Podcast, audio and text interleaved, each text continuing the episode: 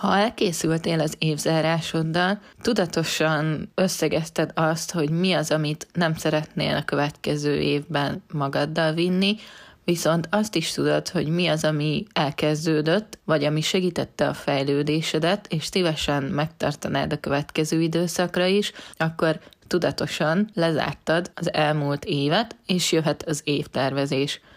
Az évtervezés szerintem mindig egy olyan pont így vállalkozóként, amikor szabadjára engedhetjük a fantáziánkat, és tényleg egy évben gondolkodni, azt azért sokkal könnyebben tudunk, mint amikor ilyen nagy víziókat képzelünk magunk elé, hogy három, öt, tíz év múlva hol szeretnénk tartani, mekkora vállalkozást szeretnénk építeni.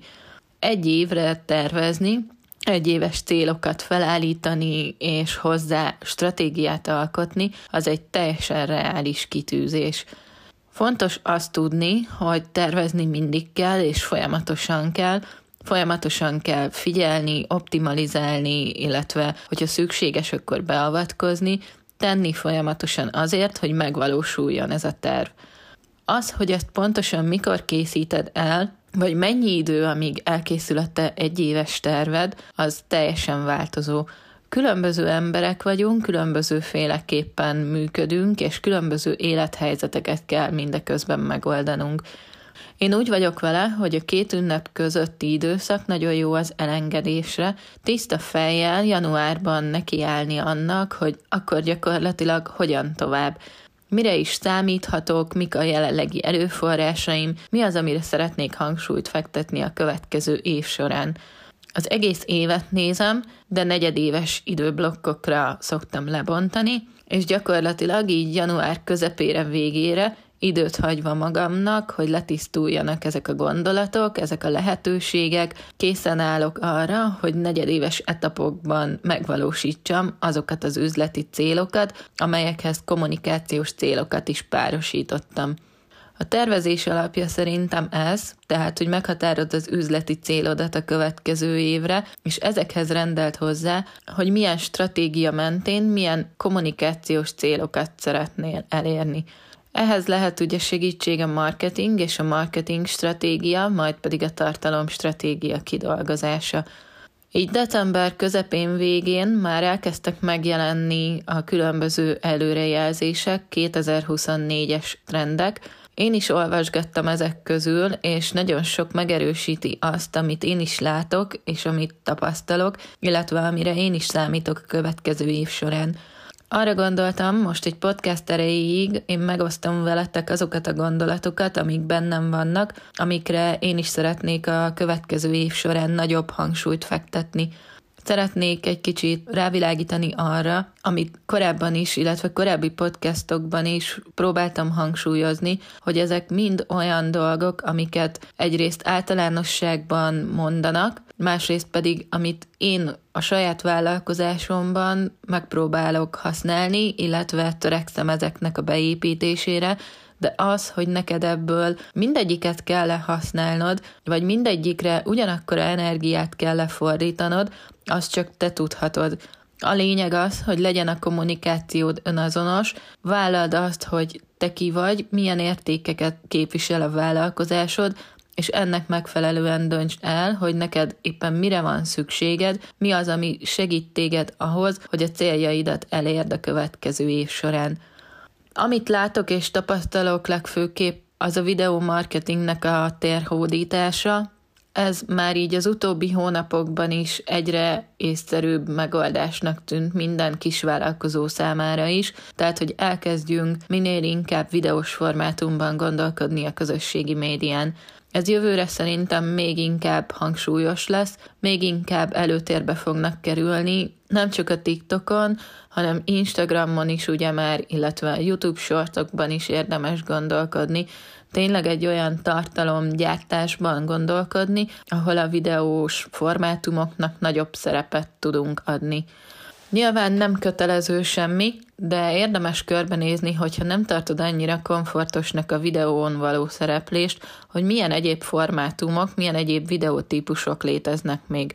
A legnagyobb bizalmat keltő és a legjobban, legnagyobb elérést produkáló tartalmak, azok kétséget kizáróan a videós formátumok. A videós formátumok közül is pedig a rövid videók az, amik egyre rövidülnek, ami szerintem a lényeg, és amire fókuszálnunk kell, hogy minél rövidebben, de frappánsan, érthetően adjuk át az üzenetünket. Legyen sokszínű, többféle, többféle típust ötvözzünk a tartalommarketingünk során. Nyilván, hogyha te nem szeretsz beszélni, nem szeretnél olyan videót közé tenni, amiben látszik az arcod, ahogy te beszélsz, akkor nézd meg, hogy milyen lehetőségek vannak még. Instagramon például rengetegféle reels van, nézegesd, böngészd ezeket, és próbálj inspirálódni ezek közül, ha már így a közösségi média, a social média felületek szóba kerültek, akkor arra is érdemes hangsúlyt fektetni, hogy ugye egyre tényleg gyorsulnak fel a tartalomfogyasztásunk, és hogyha ezekkel a tartalmakkal nem csak elérni szeretnénk már az érdeklődőt, hanem ugye ügyfélé szeretnénk konvertálni őket, akkor az értékesítésre is hangsúlyt kell fektetni. Értékesítésre pedig minél inkább az lesz a jellemző, hogy azonnal akarom, gyorsan akarom, ne kell legyen három-négy linkre rákattintani, és még utána kosárba tenni, fizetni, stb. Egyre inkább olyan funkcióknak a beépítését várom, és egyre inkább olyan megoldásokat kell szerintem használnunk, amik ezt a gyorsaságot tudják biztosítani. Gyakorlatilag egy ilyen egy-két kattintásra elérhető legyen mind a foglalás, mind a vásárlás. Nagyon jól tudják egyébként ezt az ügyfélélményt biztosítani a különböző chatbotoknak a használata. Én ennek is egy nagyobb, szélesebb körű elterjedését várom a jövő évben. Chatbotok által sokkal személyesebb kapcsolat alakulhat ki ugye a vállalkozás és az érdeklődő között, vagy ügyfél között. Érdemes ezeket átnézni, és a leginkább megfelelőt, a számodra leginkább megfelelőt kipróbálni, illetve beintegrálni a vállalkozásodba. Megnézni azt, hogy tényleg mire lehet szükséged, melyik az a folyamat, amit a legjobban tud támogatni. A személyességhez még nagyon nagyban hozzá tudnak járulni, hogyha a story funkciót kihasználjuk. Instagramon a legegyszerűbb és talán a legjobb, de ugyanúgy Facebookról se feledkezzünk el. A Facebook egyébként még mindig ilyen alapplatform fog szerintem maradni. Kicsit olyan, mint hogy ma már egy vállalkozásnak kell, hogy legyen weboldala a hitelességhez. A Facebook oldal az szinte egybeolvad ezzel, és egy alapfelület, ugye ezt egészíti ki másik kettő-három esetleg. Ha sztorizol, akkor biztos vagyok benne, hogy sokkal könnyebben el tudod érni azt az elköteleződést is az ügyfeleidnél, amit te szeretnél, és a további tartalmaidra is könnyebben rá tudod irányítani a figyelmet, illetve az értékesítést sem felejtsük el, nagyobb hangsúlyt kell fektetnünk erre a sztorik során is. Ebben az évben többször tették fel nekem a kérdést, és többször került szóba, ugye nagyon nagy lázban tartotta itt a vállalkozókat és a marketingeseket is egyaránt, hogy mi a helyzet a mesterséges intelligenciával. Biztos vagyok abban, hogy egyre több helyre fog beépülni, és az AI az egyre több mindenre lesz képes. Én magát a ChatGPT-t már tavaly 2022. november-decemberében elkezdtem használni. Úgy fogalmaznék inkább, hogy játszottam vele, nagyon-nagyon sokat játszottunk vele az ünnepek alatt. Próbálgattuk, nézegettük, ízlelgettük, hogy úristen, mi lesz itt. Viszont most, egy évvel később már teljesen más, teljesen más dolgokra és jobb dolgokra képes. Hihetetlen fejlődésen ment keresztül, de nem kell az, hogy egy éves távot nézzünk, akár csak egy három-négy hónappal ezelőtt teljesen más lehetőségek voltak, mint most. Bármennyire is esetleg óckodsz tőle, vagy bármennyire azt mondod, hogy nem, ez nem a te világod, érdemes és erősen ajánlott foglalkozni, elkezdeni ismerkedni vele, Én jelen pillanatban az AI képgenerátorokkal ismerkedem, próbálkozok megfelelő és jó promptokat írni. Én látom benne a potenciált, azt, hogy mi lesz jövő ilyenkor, és mennyire veszi el tényleg bizonyos területeken az uralmat, az már más kérdés, nem vagyok jós, de az biztos, hogy vannak olyan területek a vállalkozásban, ahol nagyon jó inspirációforrásként lehet használni, de akár segédletként is. Említettem, hogy olvasgattam már szakmai előrejelzéseket, trendek 2024-re már elkezdtek megjelenni. Ott az egyik ilyen tanulmányban azt írták, hogy a személyre szabható, extrém személyre szabható AI megoldásoknak lesz itt az ideje, én bevallom, ezt kíváncsian várom.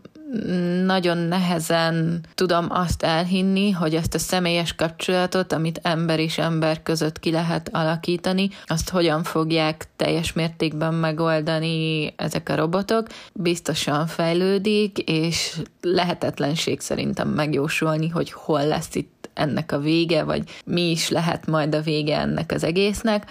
Az biztos, hogy érdemes ha nem is napra készek lenni, de foglalkozni a témával, és elkezdeni azon gondolkodni, hogy hogyan tudjuk a javunkra fordítani.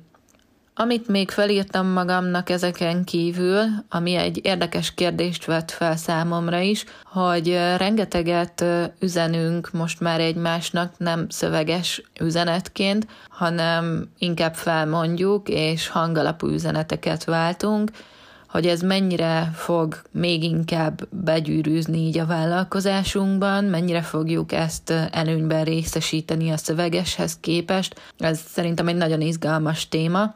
Az biztos, hogyha azt nézem, hogy felgyorsult világ, és egyre gyorsabb tartalomfogyasztás, és egyre gyorsabban várjuk a reakciót mi is felhasználóként bárkitől, illetve tőlünk is ugye az ügyfelek a válaszunkat, a reakciónkat, kérdésükre a választ. Biztos, hogy ennek is szerepe lesz abban, hogy előnyt tudjunk a piacunkon, a területünkön kiépíteni hangalapú kommunikáció, ugye, ami számomra nagyon nagy kérdés, illetve a hangalapú keresés is ezáltal. Tehát ahogy a SEO, ugye a keresőoptimalizálás weboldalaknál, illetve megjelenik a SEO az Instagramon is, kérdés az, hogy a hangalapú keresés az hova fog fejlődni, illetve lesz -e ennek olyan kihatása, ráhatása, ami, ami a mi vállalkozásunknak a kommunikációját is esetleg forradalmasítja, vagy más irányba tereli.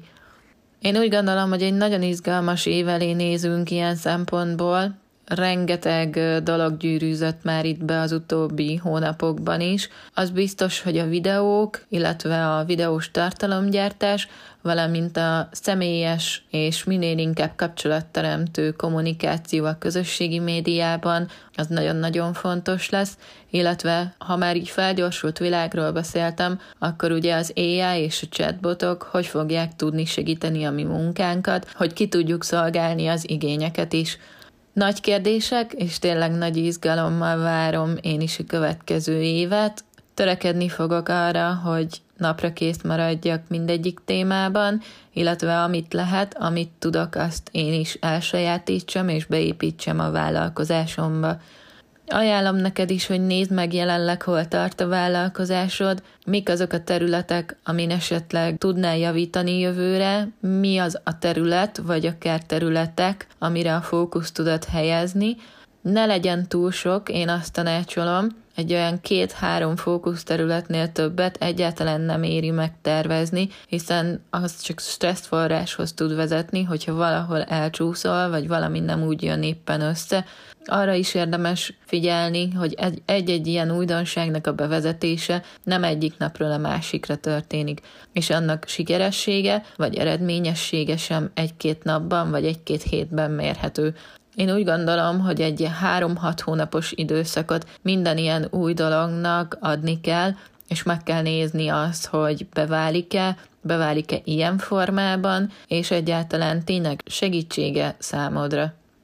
Köszönöm, hogyha a mai podcastot is meghallgattad. Kíváncsi vagyok, hogy ezek közül te használod-e már valamelyiket, illetve tervezed-e valamelyiket a jövő évben mélyrehatóban, behatóban megismerni és alkalmazni, úgyhogy ha van kedved, akkor a podcast alatt a komment részben várom majd erre a válaszodat.